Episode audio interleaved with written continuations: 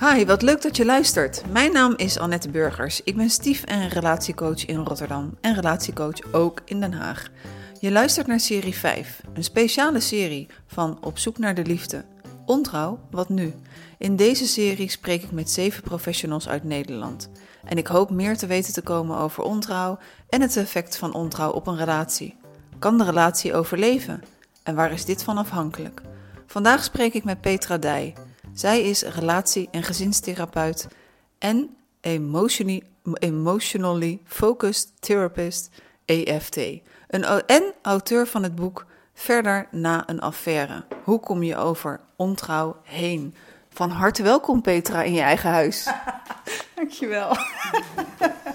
Mijn podcast heet Op zoek naar de liefde. Wat betekent op zoek zijn naar de liefde in jouw leven? Uh, oeh, even denken hoor. Op zoek zijn naar de liefde. En dan heb je het over romantische liefde, denk ik. Hè? Partnerliefde. Uh, wat betekent dat voor mij persoonlijk in mijn leven? Is dat ik... Uh, ik ben al heel lang samen met, met, mijn, met mijn man.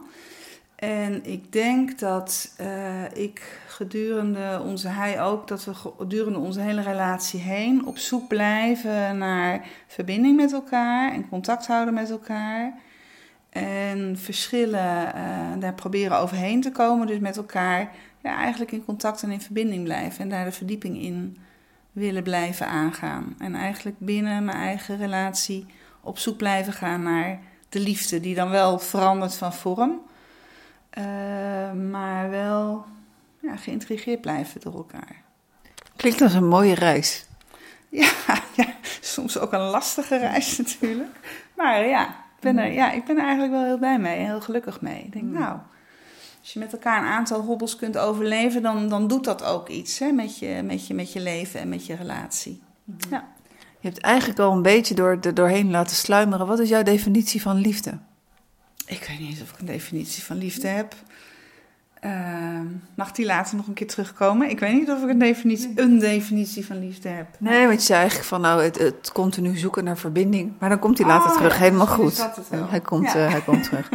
Het uh, denk ik ook vanaf welke fase je zit met je relatie. Als je in een beginnende relatie zit, dan ben je natuurlijk op zoek naar iets anders dan als je 20 of 25 jaar bij elkaar bent, of 15 jaar, of zoeken naar de liefde is in een andere, in een beginnende relatie iets anders dan als er kinderen zijn. Dan ga je ook komen, hè, als je net jongen, net ouders bent of aan het worden bent, dan ga je op zoek van hoe, hoe doen wij de liefde met dit kind, deze kinderen erbij. Mm. Dus misschien dat, dat ik daarom wel dacht dat ik geen definitie had. Ja, heel goed. Uh, deze podcast gaat over ontrouw. Wat is ontrouw eigenlijk? Ah, mooie vraag. Uh, want dat is er eentje waar heel veel mensen heel erg mee zitten. Wat is nou ontrouw? En uh, hoe ik het um, definieer in als ik werk met stellen met ontrouw of met individuen die met ontrouw te maken hebben. Um, dan, dan ga ik eigenlijk altijd met, uh, met de stellen, met de paren kijken naar waar zit jullie exclusiviteit? Wat hebben jullie uh, aan elkaar beloofd, expliciet of impliciet, meestal impliciet, wat hoort bij jullie relatie en wat hoort daarbuiten. Dus wat hoort erin en wat hoort er niet in. En wat is alleen voor jullie en wat mag je delen met anderen. En op het moment pardon, dat dat in het geding komt, dan ontstaat de frictie. Als, uh, als uh, ik buitengesloten word in mijn relatie, al is het alleen maar omdat bijvoorbeeld mijn partner de hele tijd praat over een nieuwe collega. Het is zo leuk en gezellig. En overwerken en uh, nog leuk de kroeg in. En er gebeurt niets. Want dat zegt ze dan heel vaak. Maar ik voel me buitengesloten. Dan ben ik bang dat de exclusiviteit tussen mij en mijn partner op scherp staat. Hmm. En dan voelt het als ontrouw. Terwijl die ander uh, misschien denkt, ja, maar ik doe helemaal niks, ik heb het gewoon leuk met iemand. Maar als je op die manier naar ontrouw kijkt, dan snap je ook de dynamiek waarom mensen zich er zo naar over voelen of ruzie over kunnen maken. Dus dan ga je eigenlijk daarin definiëren wat ontrouw is. Ja, ik heb een soort van heilige ruimte. Hè? Wat zijn de afspraken tussen, tussen de, de, koppels? Ja, nou, heilige ruimte. Uh, uh, het punt is alleen dat er vaak geen afspraken zijn. En um, dat, um, dat, dat, dat het daarin dan kan gaan wringen. En ook dat met de tijd dat die afspraken kunnen veranderen. Dus die, die ruimte waar jij het over hebt, die kan, die, kan, die kan er nu heel anders uitzien in een relatie van, van 25 jaar dan 25 jaar geleden omdat je toen van elkaar bepaalde dingen nog oké vond, of daar niet zo moeilijk over deed, of juist heel moeilijk vond, waarvan je nu denkt: ach, maakt niet uit. Mhm. Dus het, het, het verandert ook. Het is natuurlijk ook het leven. Het leven verandert. We zijn allemaal de hele tijd in proces. Ja, een relatie ook. Mhm, ja. Als we even gaan naar, naar een startmoment van, uh, ja, van de affaire, die, dat loopt natuurlijk, dat is, dat is tussen twee mensen. Maar het startmoment van de ontdekking, mhm. wat kan daar allemaal uh, oppoppen? Ah, nou, ja. Uh, wat kan oppoppen? ten eerste de emoties Ehm, bij uh, als het wordt ontdekt of als het wordt verteld. Um, hoe wordt het verteld, hoe wordt het ontdekt? Dat kan, um, dat kan een heel groot verschil maken in emotionele reactie. Als zeg maar de, en alleen maar voor de duidelijkheid. Hè, want ik, het is belangrijk om dat ook in gesprekken, in therapie altijd goed af te wegen welke woorden passen. Maar voor de duidelijkheid, voor de podcast, even zeg maar de trouwe en de ontrouwpartner noemen. Mhm. Uh, als de ontrouwe partner het uh, met uh, heel veel schuldgevoel en heel veel verdriet vertelt, dan zal dat een andere reactie geven bij de trouwpartner dan als iemand het vertelt als matter of factly en het direct al bagatelliseert.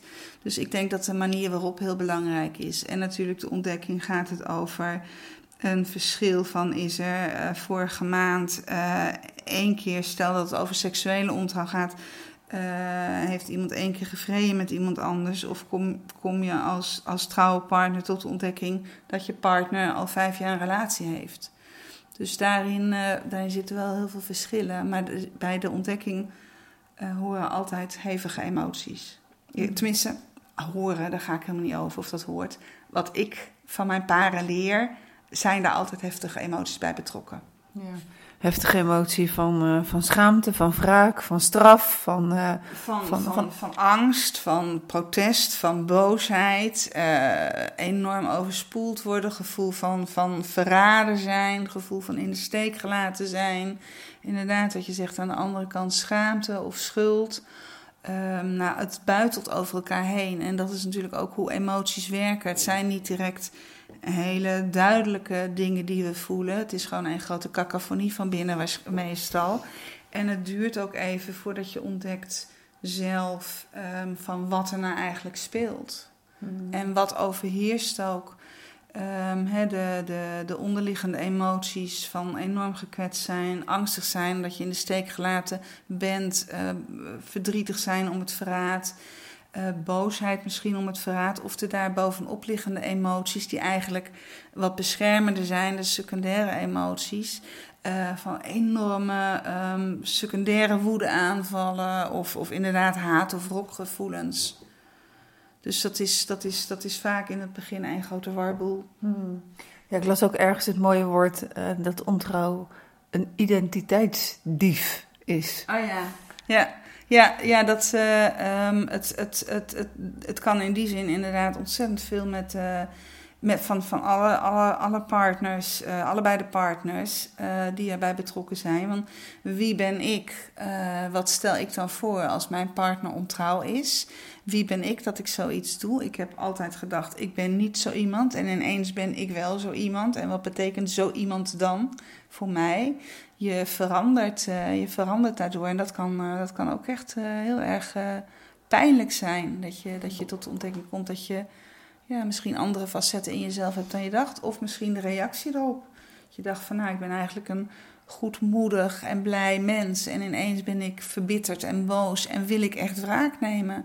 Ben ik iemand die autoruiten in wil gooien? Dat ben ik helemaal niet. En ineens ben ik het wel. Ja, ja heel heftig is dat. Heftig. En dan is ook de vraag van hoe, hoe kom je het beste die, die eerste periode door? Het is natuurlijk ontzettend moeilijk om die met al die heftigheid door te komen. In je boek heb je het over crisismanagement. Uh, nou, voor crisismanagement is het wel handig als er een manager aan de leiding, hè, dat er iemand de leiding neemt. Wie kan het beste in zo'n situatie de leiding nemen?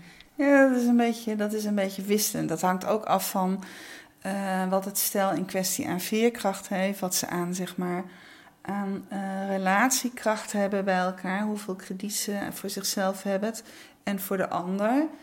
Uh, dus het hangt ook af wat iemand heeft geleerd in zijn of haar leven tot die tijd. Er kan iemand naar zichzelf kijken als van nou, ik, ik, ik ben de moeite waard uh, en ik kan een aantal dingen aan. Of, of heb je ooit geleerd gewoon gedurende je hele leven, ik, ik kan eigenlijk ook niks, ik heb altijd anderen nodig.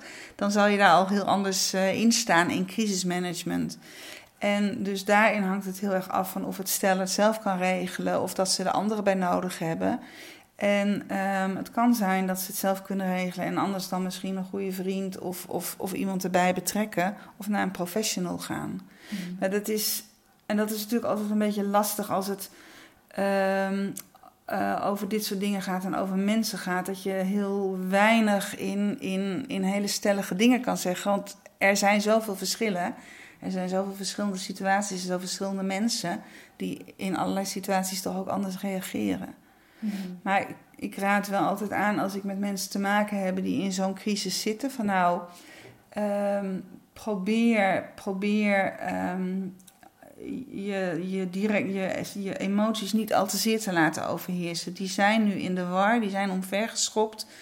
Uh, beslis alleen wat nu nodig is. Hou de routine vast, want je hebt structuur nodig. En neem geen grotere beslissingen dan nu nodig zijn. Je hoeft niet als je er op dinsdagochtend achter komt dat uh, je partner ontrouw is geweest, hoef je niet op dinsdagavond te hebben besloten hoe de rest van je leven eruit ziet.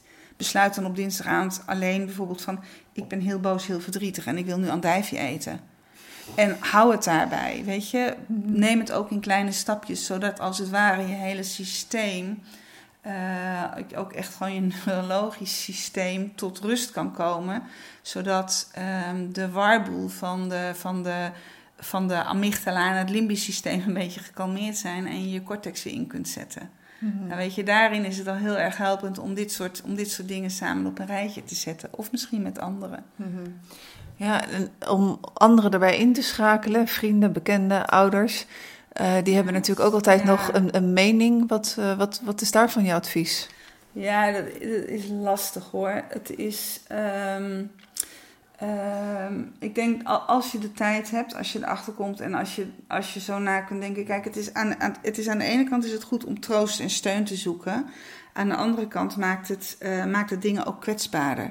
Want misschien als het, als het jou overkomt en jij uh, gaat naar je zus. Ik weet niet of je zus hebt, maar je zou naar je zus gaan om bij haar uit te huilen en, en, en troost te zoeken. Zou, zeg, zou zij zeggen: Weet je, Annette, rustig maar, het komt wel goed en we komen er wel uit. En misschien zou de zus van iemand anders zeggen: Wat, ik heb het altijd al gedacht en ik vond het al niks en dit moet je niet pikken. Terwijl jij nog niet weet waar je staat. En het kan ook zijn, het lastige, het moeilijke erin kan ook zijn dat als um, bijvoorbeeld je als uh, zoon naar je ouders gaat om uit te huilen en je troost te zoeken, dat je ouders je daarin heel erg tot steun kunnen zijn. Maar als jij dan besluit als die zoon om verder te gaan met je partner, dat dat dan ook iets doet in de relatie tussen je ouders en jouw partner. Dus er zitten heel veel haken en ogen aan. Dus als ik de kans krijg om het daar met mensen over te hebben, als dat vroeg genoeg is, dan, dan stel ik ze ook altijd wel dit soort vragen. Wat heb je nodig? En van wie heb je het nodig? En wie kan je daarin vertrouwen dat hij of zij jouw verhaal hoort en jouw nood hoort en niet zijn of haar eigen verhaal gaat vertellen? Dat is, dat is nogal, uh, want dat komt er natuurlijk snel, bij, snel tussendoor. Ja, ik herken het dat een verhaal overgenomen wordt van ja, of die of die, dan komt er een verhaal uh, bij kijken. Ja, de eigen pijn komt bovendrijven. Ik kom bij jou uithuilen en jij, weet ik veel, bent twintig jaar geleden op een verschrikkelijke manier verlaten. En je zegt, nou Peter, dat moet je niet doen. Dan moet je, ja, weet je, maar dan gaat jouw pijn ja, eigenlijk ja. op dat moment overheersen. Ja. Ja, ja, dan is het geen goed advies voor jou meer nee, op dat moment. Nee, precies. Ik heb genoten van jouw hoofdstuk over kinderen, want daar ben je heel duidelijk in. Ik denk dat er, uh, zeker wat ik dan ook bij, uh, bij Stief goed zie, uh, dat kinderen vaak de dupe zijn van de scheidingen en te maken hebben met loyaliteit en alles. Um, wat geef jij voor een advies met betrekking tot de kinderen in de relaties waar ontrouw uh, van toepassing is? Uh, ik geef uh, het advies om aan kinderen te vertellen dat er iets aan de knikker is, hoe klein een kind ook is. eh, om te vertellen dat ehm, papa en mama, of papa en papa, mama en mama, maakt er maar even niet zo uit, ruzie hebben en dat het naar is. En ehm, nou, dat ze misschien ehm, dat wel merken. En hoe klein een kind ook is, door uh, het dat aan dat kind te vertellen, doe je toch iets in het contact, want je ontkent niet dat er spanning is. En afhankelijk van, van hoe groot de kinderen zijn en hoe de kinderen zijn, want dat verschilt ook nog wel per kind, wat vertel je een kind wel en wat vertel je een kind niet. En sommige kinderen die blijven doorvragen, hoe klein ze ook zijn. Gaan jullie scheiden? Is wat aan de hand? Is er iemand verliefd op een ander? Want ja, kinderen van, van 6, 7, 8 jaar, die krijgen ook in de klas verliefdheidjes. En sommigen hebben, gaan met elkaar. Of, hè, en dan gaat ze eerst met die en dan gaat ze met die. En dus die kinderen die doen dat toch wel in hun eigen wereldje. Dus ik raad altijd aan om goed uh, naar het kind te kijken. En niet te verdoezelen, maar ook niet te veel te vertellen. En dat hangt dan heel erg af van het kind en de leeftijd die ze hebben. Maar ook de, ze mogen, ik zeg ook altijd wel tegen ouders: van je mag ook dingen privé houden. Je mag ook zeggen: dit is van, dit is van ons en dit is niet van jou. Maar je hebt gelijk, er is wat aan de hand. En um, uh, het gaat niet over jou, het gaat over ons. En ja, dat is eng en we werken eraan. Weet je, op die manier een beetje. En er zijn ook geen pasklare antwoorden op, omdat je natuurlijk van tevoren nooit weet of je eruit komt. Voor een hele hoop stellen. Voor een aantal stellen is ontrouw iets uh, één keer vreemd gaan en de deur is dicht. En voor een aantal uh, stellen is het, is het niet zo moeilijk. En daartussen hè, en, en, en valt het eigenlijk bijna niet eens onder ontrouw misschien wel. Um, maar voor, een, voor, voor de middenmoot is het, voor, voor, voor het grootste gedeelte moet ik eigenlijk zeggen, uh, is het zo van, het is niet per definitie een, een een einde van de relatie. Maar of we het gaan halen, weten we nog niet. Dus je kunt niet tegen de kinderen zeggen: het komt goed, want dat weet je niet. En daarin um, zou ik altijd de kinderen een beetje meenemen, naar gelang wie ze zijn en naar hun leeftijd. Mhm. Met alle gevolgen van dien als de kinderen natuurlijk op het schoolplein uh, ook aan hun vriendjes en vriendinnetjes vertellen. Ja, dus daar moet je als, als ouders uh, inderdaad uh, goed, goed over nadenken. Wat, wat willen we vertellen, zodat de kinderen niet hoeven te liegen? Wat willen wij aan onze kinderen vertellen, um, zodat mijn zoon, mijn dochter niet hoeft te liegen? Mhm. Want ik denk daarbij, als je, als je aan je kind vertelt, en dit mag je niet verder vertellen, dan zadel je je kind op met jouw geheim. Dan ga je je kind vertellen: hang onze vuile was niet buiten. Maar jongens, kom, het is jullie vuile was, niet die van het kind. Hmm. dus daarin, en daar begint het direct, misschien wel op dezelfde avond dat het verteld wordt: wat vertel je je kind? Wat, wat, wat gebeurt er? Wat, wat moet je wel en niet zeggen? En neem jij je verantwoordelijkheid erin als ouder? Ook al ben je de trouwe partner en is het jou, voor jouw gevoel aangedaan, had jij er geen, geen, uh, geen uh, inmenging in. Je bent wel verantwoordelijk voor je kind. Mm En voor, je, voor, je, voor hoe je daarmee omgaat met moeilijke situaties. Ja, ja. ja ik ben het helemaal met je eens. um, wat voor soorten affaires zijn er? Um, even denken hoor. Ja, je kan ze eigenlijk. Uh, uh, het, is een, het is een indeling die, uh, die professor Scott Woolley heeft, heeft gemaakt en nog verder heeft onderzocht sinds um, dit boek geschreven is. Ik heb het veel met hem over gehad. En je kan een beetje een aantal affaires onderscheiden in van waar, en, en van daaruit gaan kijken waar was iemand naar op zoek. En wat belang, een belangrijke vraag is, is als er sprake is van ontrouw of, of, of vreemdgaan of een affaire, is er dan altijd iets mis met de relatie? Of kan het ook iets zijn wat bijna losstaat van de relatie? Dat alleen al kost, kost echt uitzoektijd. Dus het zijn het zijn ook geen uh, soorten affaires, om zo maar te zeggen, waarbij je zegt van... ik heb een vragenlijstje met drie vragen, tik, tik, tik. Oh, het was zo'n soort, zo'n soort affaire. Dus dat wil ik eigenlijk nog wel een beetje benadrukken. Nou, dan, uh, hoe ik ze heb genoemd, is de romantische affaire. Dat is een affaire die echt langer bestaat, waarin ook sprake is van... Liefde en een, en, een, en een liefdesrelatie tussen zeg maar, de, de ontrouwpartner en de derde... Um, er is de, de, de noodfondsaffaire. Um, dat is eigenlijk uh, als dan de, de ontrouwe partner heeft dan eigenlijk niet het idee dat hij of zij ooit echt voldoende is. En dat die ander echt bij hem of haar zal blijven. Dus er is altijd een soort nooduitgang, een soort eh, mensen of ideeën over, over dit kan ik dan ook nog doen. Want het zal wel, niet, het zal wel nooit echt zijn. Het zal wel Mhm. nooit echt voor mij gekozen worden. En vanuit, vanuit die gedachte dat er misschien een aantal eh, ja, by the side of zo, relaties of, ehm, of mensen zijn. Ehm, je hebt de ehm protestenaffaire, dat is eh, een protest eh, tegen, tegen hoe de relatie eh, verloopt.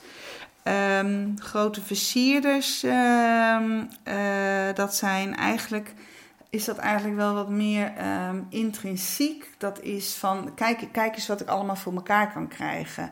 Dus dan is het niet zozeer de affaire aan zich, of de andere persoon, de derde, die, die, die het leuk maakt of die het spannend maakt. Maar wel, ik krijg het voor elkaar om op drie plekken drie relaties te Mhm. hebben. En als ik voor mijn werk, nou weet ik veel, in Kopenhagen ben of in Zagreb of wat dan ook, dan krijg ik het voor elkaar om daar, dat er daar iemand op me wacht. Of ik kan een dubbel leven leiden. En dat, eh, dat, is, dat, dat, dat zit heel erg in iemand, eh, in iemand zelf. Ehm, de eh, compulsieve af- affaire is ehm, dat het bijna op het verslavende af of is. Het is, het is, het is versla de, ontrouw doen aan zich is verslavend. Dus niet zozeer, dat gaat niet per se om de seks, maar wel het lost, het lost iets op. Het lost een soort spanning op. En het, het vreemdgaan aan zich lost die, die interne spanning op. Burn-out affaire is ehm, eh, eigenlijk de relatie is, zo, is, is echt op. Het is, het is weg, het is, het is afgelopen. En dit is, ehm, dit is misschien de weg eruit. Ik zie geen oplossing meer voor deze relatie. Ik weet niet hoe ik het aan moet pakken. En er komt iets anders langs, maar als je dan. En, en dan word ik verliefd op die ander. Dat is natuurlijk allemaal. Klinkt alsof dat bewust is, maar zo wij werkt dat natuurlijk helemaal niet. Maar als je dat dan gaat uitpluizen, dan, zeg je, dan hoor je iemand zeggen van eigenlijk, eigenlijk is het al tien of twintig jaar of al vijf jaar niks meer. We zijn uit elkaar gegroeid en het was er niet meer. En ja, dit heb ik hier op deze manier mee opgelost. En eh, ehm, het hokjesoverspel ehm, is dat. ehm, dat hoor ik wel eens van mensen. Dat het zo afgescheiden is van binnen. Dat er bijna geen overlap is tussen de verschillende vakjes. Net als zo'n Excel-bestand. Al die aparte, al die aparte cellen. Dit vindt, dit vindt in, in, in dit, deze context plaats. En dat is afgescheiden van de rest van mijn leven.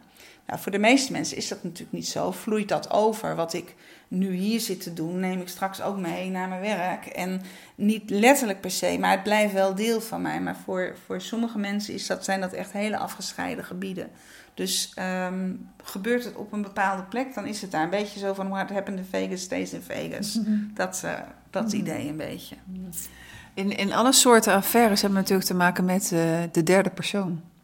Ja. Wat, eh, wat kan je daarover vertellen? Van wat, wat kan eh, de motivatie van een derde zijn om hier in te stappen?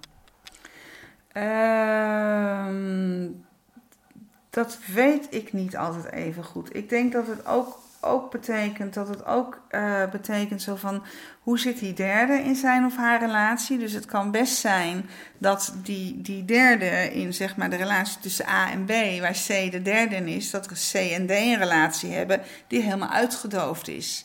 Dus dat het eh, misschien voor B eh, een soort compulsie is en voor C een soort burn-out.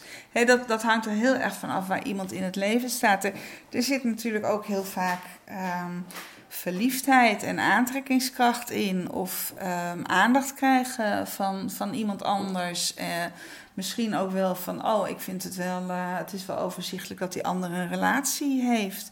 In heel veel gevallen ehm, zal de derde ook helemaal niet altijd weten dat, eh, dat degene met, met ehm, wie ze iets hebben getrouwd is of een relatie heeft. Zeker als het een one-night stand is, dan hoeft dat helemaal niet altijd bekend te zijn. Maar ook bij sommige langere, langere affaires zijn, kunnen er zoveel geheimen zijn dat die ander ook geen idee heeft. Heb jij cijfers paraat van, eh, van de affaires die uiteindelijk een nieuwe relatie worden. Nee. Ik heb dat in het verleden wel eens gelezen, maar ik weet ook echt het cijfer niet meer. En er kwam alleen wel uit dat het uh, procentueel heel erg tegenvalt. Uh, van als er een affaire is, van hoe, ja, hoe vaak dat dan doorpakt tot een gewone relatie. Uh, dus ja, daar kan ik me ook iets wel voorstellen. Wat denk jij van als een, als een relatie start als een affaire? Wat is dan het effect op de relatie? Uh, het kan heel verbindend zijn, omdat je begint met een heel groot geheim, wat, wat, je, wat je jullie heel erg inclusief, inclusief maakt. Dus het kan, het kan heel sterk beginnen. Uh, en daarna is het natuurlijk van houdt, houdt een dergelijke relatie stand in, in de woelige wateren van het normale leven als het uitkomt en er moeten één of twee mensen afscheid nemen van hun, van hun oorspronkelijke relatie. En uh, er moet iets met, uh, met, met kinderen wel of niet worden geregeld. En uh, hoe staat de omgeving er tegenover? Als dat, als dat allemaal heel, heel moeilijk is, dan moeten ze samen veel meer overwinnen. Wat heel erg kan verbinden, maar wat ook heel erg tegen kan werken.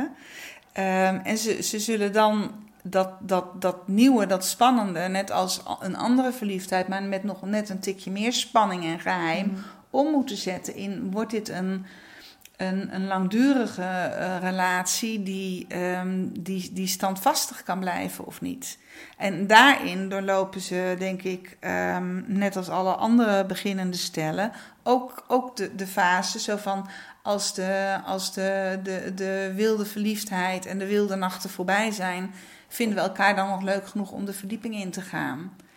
En, en dat, dat kan natuurlijk wel um, een scheefgroei hebben, omdat ze misschien wel uh, anderhalf jaar iets heel stiekems hebben gehad, waardoor die spanning heel lang opbleef. En dan is het maar afwachten van kunnen we het ook met elkaar zonder die spanning. Mm -hmm. Maar ik geloof, er, dus ik geloof er zeker in dat uh, relaties die uh, gevormd zijn uit wat je dan affaire noemt of ontrouw, dat die, dat die, uh, dat die heel gelukkig kunnen zijn. Mm. Want misschien was dit uiteindelijk wel de relatie en was die eerdere relatie misschien wel eigenlijk een vergissing door allerlei omstandigheden. Mm. Maar zijn, zijn deze twee mensen toch de liefde van elkaars leven? Ja, ja kan. dat kan natuurlijk. Ja, zeker. Uh, als je kijkt dan, nou de, de, we gaan terug naar, naar het koppel hè, van de trouwe en de ontrouwe partner. Uh, ja, hoe, hoe kom je dan uiteindelijk op een goede manier met elkaar in of tot een goed gesprek onder begeleiding of, eh, of, of uiteindelijk met elkaar. Hè. Je kan jouw boek kopen en dan het, samen aangaan.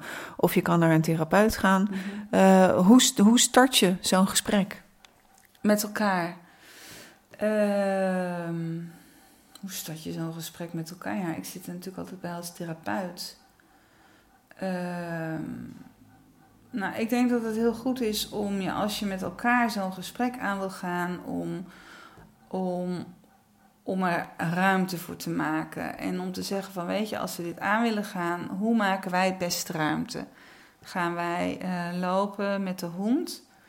Omdat we dan het beste kunnen praten. Maar wat als nou de een of de ander heel boos wordt? Mogen, kunnen we dan gaan lopen gillen tegen elkaar in het bos? Of schrikt die hond zich dan kapot? En hoe werkt dat dan? Dus maak zorgvuldig plaats voor de ruimte. Dus, dus maak als het ware uh, een, een soort therapieafspraak daarover. Van dit uur besteden wij hier aan. En um, um, probeer dan te bedenken van wat maakt dat jullie uh, allebei um, je niet vervallen in alleen maar, alleen maar gevecht en alleen maar verwijten en alleen maar beschermende mechanismes. Maar wat willen we in dit gesprek met elkaar bespreken? Willen het hebben over het effect? Willen het hebben over jouw pijn? Willen het hebben over mijn pijn? Um, hoe moet het gaan? Dus ik denk dat het wel kan helpen om het, om het, om het een beetje voor te bereiden omdat je heel gemakkelijk door, omdat je zo snel geraakt bent, de bocht uitvliegt, om te voorkomen dat je zo min mogelijk de bocht uitvliegt. En durf ook, als het niet lukt en je merkt dat je weer verzeilt in, in dezelfde ruzie die je, die je misschien al honderd keer hebt gehad, om dan te zeggen: het werkt niet. Niet dat het tussen ons niet werkt, maar wij kunnen dit gesprek niet voeren of niet nu. Mhm. En laten we het een andere keer doen. Misschien niet op vrijdagavond met een glas wijn erbij, maar op zaterdagochtend met een kop thee erbij. Probeer het op die manier een beetje uit. Mhm.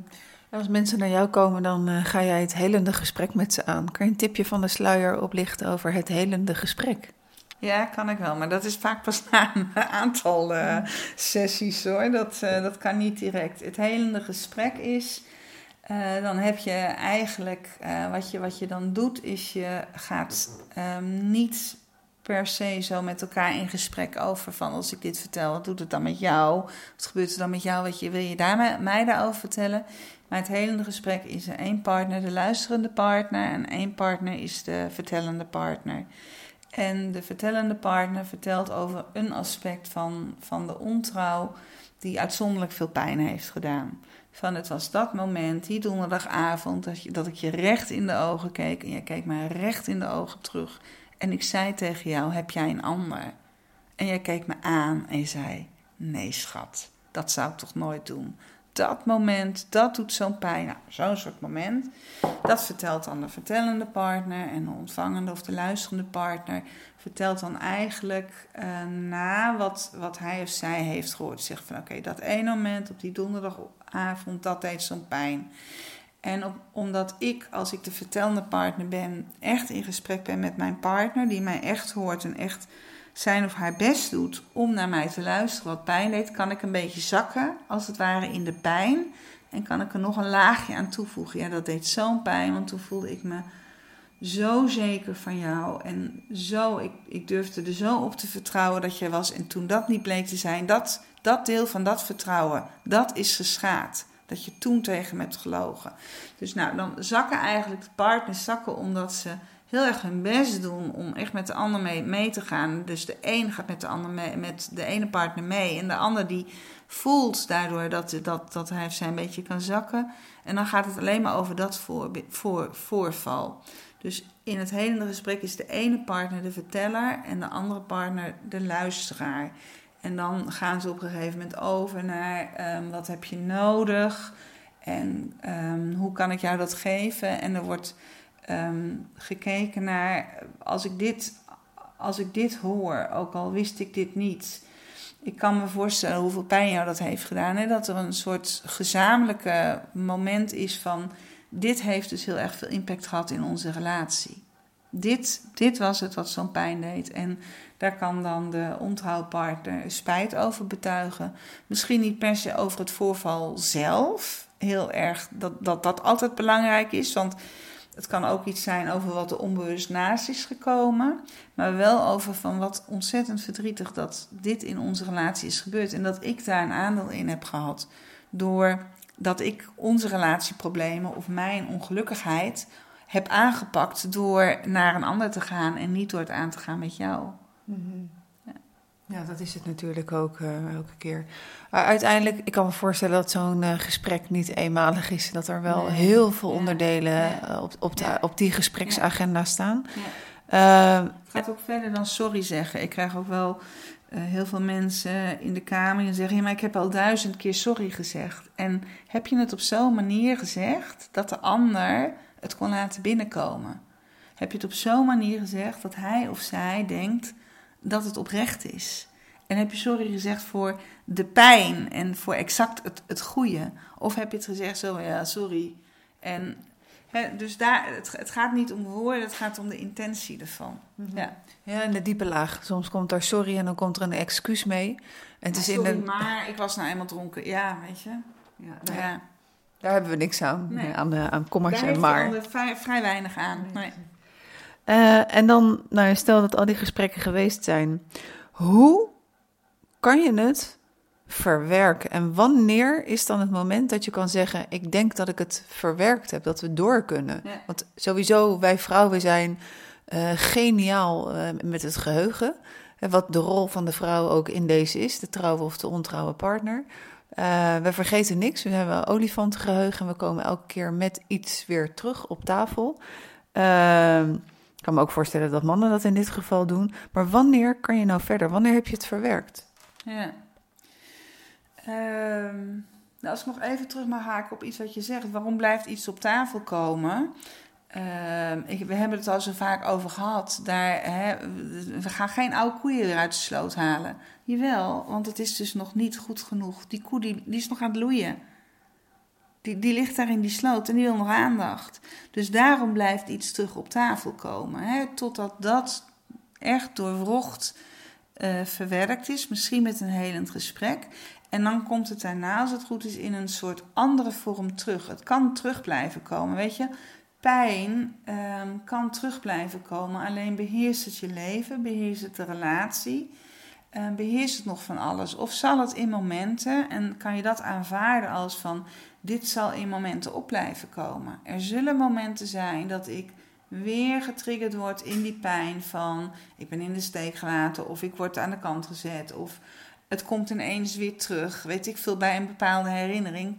Kan je, kan je dat dan daar laten? Kan je dat dan voor jezelf als trouwpartner denken: oh ja, dat snap ik ook wel, dat doet pijn en het mag ook pijn doen.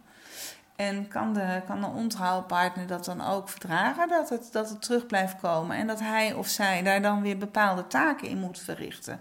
Ook al is het misschien al 10.000 keer gepasseerd dat het toch nog een keer moet. En op het moment dat die momenten van als het ware het, het opborrelen van emoties en het opborrelen van herinneringen minder wordt. En je kan daar tussendoor de verbinding steeds meer ingaan. En je, je zegt ook van nou ja, we, hebben, we gaan samen dit aan. Dan zou je kunnen zeggen, ik, ik heb het verwerkt. Maar verwerkt betekent niet nooit meer eraan denken.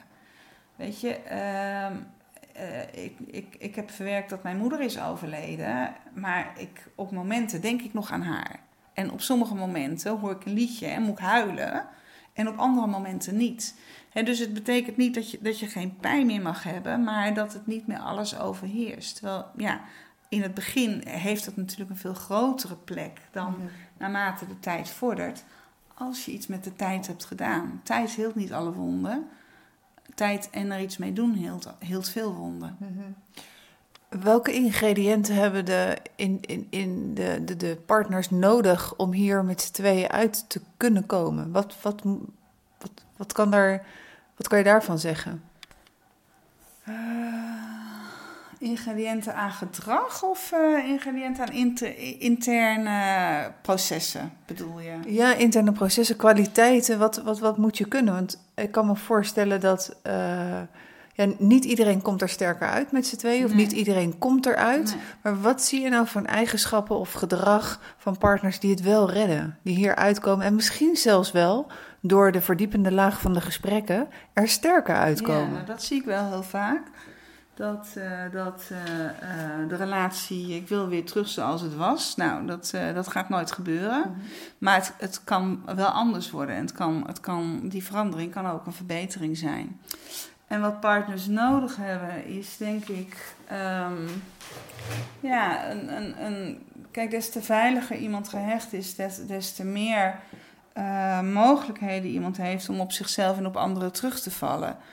Um, en um, bepaald gedrag te vertonen. En um, voor zichzelf, maar ook voor anderen. En als, dat, als, als daar wat meer butsen en deuken zitten, dan zal dat wat moeilijker zijn. Als ik al vanuit mijn jeugd, vanuit ervaringen, gepest op het schoolplein misschien, misschien wel gepest op het werk, niet het idee heb dat ik iemand ben die de moeite waard is en dat ik eigenlijk niet zoveel alleen kan, dan zal ik veel harder moeten werken om over een affaire of ontrouw heen te komen dan iemand die denkt van nou, ik, uh, ik kan het een en ander en ik heb vertrouwen in mezelf en ik zal dit ook wel, um, wel aankunnen. En de andere kant van het spectrum is hè, dat, dat, ik, dat ik alles in mijn eentje doe, altijd zelf en nooit iemand nodig heb. En ik zal het wel even in mijn eentje doen. Uh, maar daarmee verlogen ik ook een bepaald gedeelte van mezelf, namelijk het gedeelte wat pijn heeft.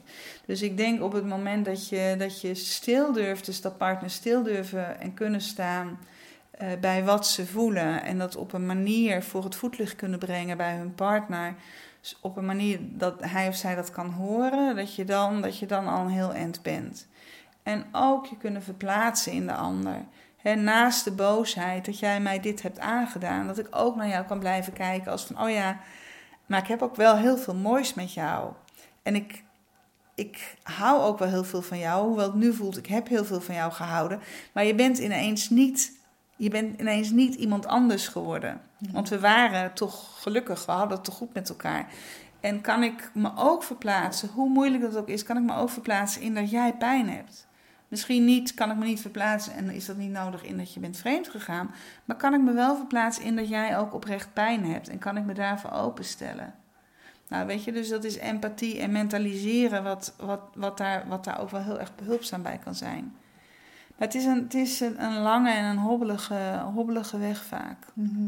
Je hebt net al even genoemd in het begin van dit antwoord uh, het woord hechting. Uh, eh, EFT heeft natuurlijk ook heel veel te maken met, uh, met hechting. wat betekent hierin en wat is het belang van hoe je gehecht bent als dit je overkomt? Ja, gehechtheid is, is, is, is, is belangrijk in, in, in hoe, je, hoe je relaties aangaat. Eigenlijk hoe je alle relaties aangaat. En um, als je niet zo veilig gehecht bent, dan heeft dat heel veel, uh, heeft dat heel veel gevolgen voor hoe je je gedraagt. En um, hoe ik me gedraag maakt ook dat um, mensen op een bepaalde manier op mij reageren, waardoor ik ook weer dezelfde ervaring op, opkom. Weet je, jij staat net bij mij aan de deur en we staan een beetje naar elkaar te lachen. En dan ineens, oh ja, we mogen helemaal geen hand geven. En we zijn op elkaar aan het afstemmen. Zo van, hé, hey, we komen binnen. En op het moment dat ik, dat ik denk van, als ze zal van alles van... dat ik heel onveilig me daarin voel in contact met uh, anderen... dan zou ik dit gesprek waarschijnlijk al niet eens zijn aangegaan. Maar stel dat, hè. En ik, ik sta eigenlijk een beetje vanuit mijn eigen... het zal wel weer niet goed genoeg zijn wat ik doe. En ik, ik heet jou een beetje grommerig welkom. Van nou, welkom, loop maar door dan reageer op mij met mijn idee van wow, nou oké. En dan denk ik, zie je wel, ze kijkt raar naar me en ze moet me niet. En dat is dan weer een overtuiging van dat ik eigenlijk niet de moeite waard ben of niet oké ben. Dus in die zin heeft gehechtheid um, heel veel gevolgen voor hoe ik me gedraag. En hoe ik me gedraag slaat weer terug op of ik wel of niet nieuwe ervaringen krijg waarin ik voel dat ik de moeite waard ben of dingen aan kan. En dat is natuurlijk iets wat tussen mensen speelt, maar ook iets wat intern in jezelf zit. Als ik me goed voel over mezelf en redelijk blij ben, oké ben met mezelf. In het Engels hebben ze zo'n mooi woord, vind ik echt een prachtig woord. I'm a lovable, lovable. Am I a lovable person? Dan kan ik veel meer, dan kan ik veel meer aan. En dat heeft natuurlijk gevolgen voor hoe ik het verwerken van het leed van het leven aan kan. En dus ook ontrouw. Mhm. En als dat wat, wat wiebeliger is, of daarin ben ik afgeslotener, of ben ik veel, veel aanklampender of veel onzekerder, dan zal dat ook gevolgen hebben voor hoe ik dit aan kan. En kan, en, en kan verwerken, mhm. uiteindelijk. Als we kijken naar de maatschappij, Petra, er wordt heel veel vreemd gegaan. Ja. Er zijn ook heel veel oordelen over. Ja. Heel veel scheidingen. Uh, welke ontwikkelingen zie jij op relationeel gebied op dit moment in Nederland? Uh, nou, wat ik, ik, ik kan het natuurlijk niet zo goed vergelijken met, uh, met, met, met hoe het eerder was. Wat, wat, ik, wat ik echt heel, heel, heel naar vind, um, is dat, um, en dat speelt al een poos al die uh, verleidingen, al die billboards over, ik weet niet eens hoe ze heet, de second love en uh, vreemd gaan is maar één klikje weg en wil je een avontuurtje, ik ook. Ik, ik, ik vind dat wel een maatschappelijke ontwikkeling waarvan ik denk, wat, wat gebeurt hier nou? Het verbijstert me. Wat gebeurt hier nou dat, dat hiermee wordt geadverteerd? Dat je wordt uitgedaagd om buiten je eigen relatie, dat mensen buiten hun eigen relatie een andere relatie op gaan bouwen of seks hebben buiten hun eigen relatie. Wat zit daar nou achter? Wat is er voor een maatschappelijke onvrede misschien in ons allen dat, dat, dat dit kan? En dat vind ik wel, um, dat vind ik op maatschappelijk gebied vind ik dat, uh, dat wel erg, uh, erg zorgelijk. Mm -hmm. En verder is het met uh, ontrouw en affaires zo dat inderdaad, en ik heb de cijfers niet, ik heb nooit cijfers paraat. Maar dat, um, ik geloof dat dat zijn de cijfers, laten we zeggen 90% um, ehm, gaat vreemd, uh, is ontrouw, uh, behalve dat niemand het doet. Dat is, dat is altijd bijzonder. Dus dat, uh, als je aan mensen vraagt, jij of jij, nee, ik niet. Maar wie zijn dan al die procenten die het wel doen? Ja, en er heerst een enorm oordeel over. En er zit, op, er zit, zit, zit taboe op in onze maatschappij op uh, seks buiten de eigen relatie. En um, ja, daar, daar hebben mensen mee, mee te maken. Mm-hmm. dat, dat is denk ik nog wel hoe, hoe het hier is ingericht. Terwijl het natuurlijk helemaal niet voor het gaat, het gaat niet per se over de, over, over de seks. Er zijn natuurlijk een hele hoop koppels die seks hebben buiten hun eigen relatie met andere mensen. Waar de partner van op de hoogte is, of die het, die het, die het samen doen in, in, in, uh, in, in parenclubs. En dan heet het ook geen ontrouw. Hè? Dus dat, is, dat, is, dat, is, dat vind ik ook altijd wel zo'n mooi verschil. Maar meeste, wat ik weet van die paren, die meeste van die paren, die hebben hele nadrukkelijke, die hebben juist echt hele goede afspraken over exclusiviteit. Die hebben het heel nadrukkelijk gemaakt. Mhm. Dus dit mag wel en dat doen we niet. Weet je, dus koffie drinken met iemand met wie je uit, die uit de parenclub kent, is, is, dat is dan de, de ontrouw. ja. ja. Uh, het is wel denk ik een mooie aansluitende vraag. Denk je dat de mens überhaupt geschapen is om monogam te zijn?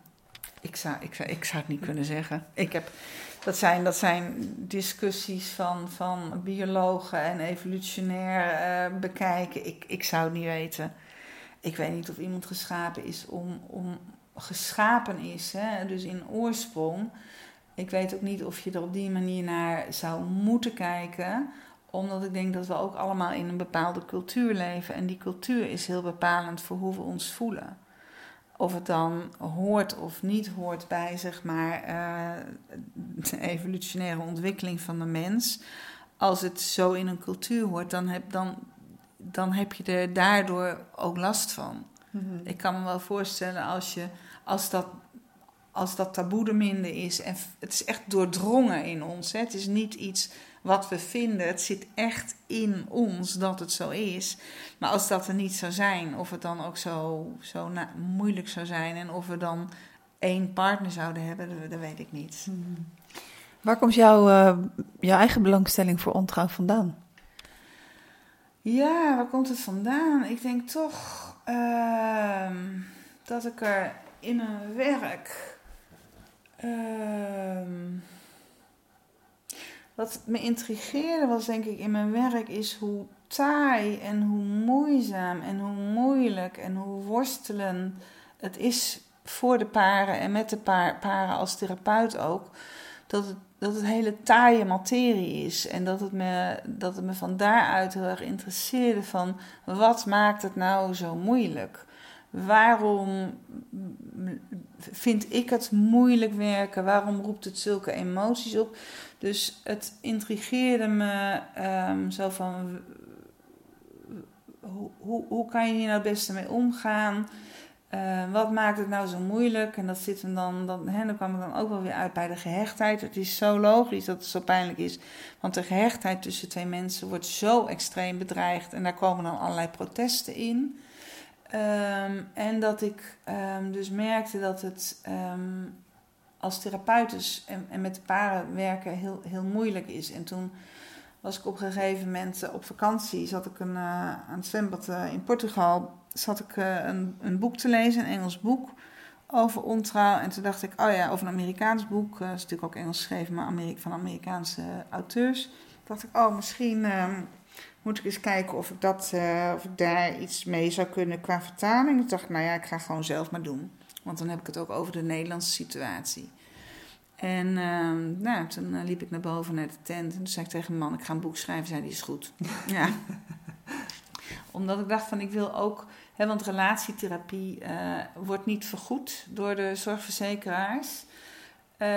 maar dat is een heel andere discussie. Um, en ik dacht, ik wil eigenlijk wel iets neerzetten waar paren zelf iets aan kunnen hebben als een therapeut niet binnen bereik is of als ze het niet kunnen betalen. En ik denk ook dat het ook iets is waar mensen ook uit kunnen komen zonder therapeut. Want er zijn heel veel mensen die hier uitkomen zonder therapeut. En dat dan een, een boek daar wel bij zou kunnen helpen.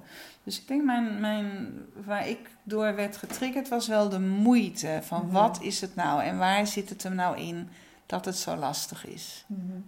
Is er een uh, tweede boek uh, in de pijplijn? Nou, ik, ehm, dat, uh, dit is, ik heb nog een, een, boekje nageschreven, Zorgvuldig Scheiden. Dat is ook gebaseerd op, uh, op EFT. En op dit moment um, ben ik. Nee, nee, zit niet echt iets in de pijplijn. Nee, ik wil altijd duizend dingen, maar ik, ik ben zo druk met andere dingen. Nee, misschien ooit nog. Maar ja, weet je, ik moet maar eens net zomaar bij een zwembad zitten en denk, oh, dan ga ik dit doen. Ja.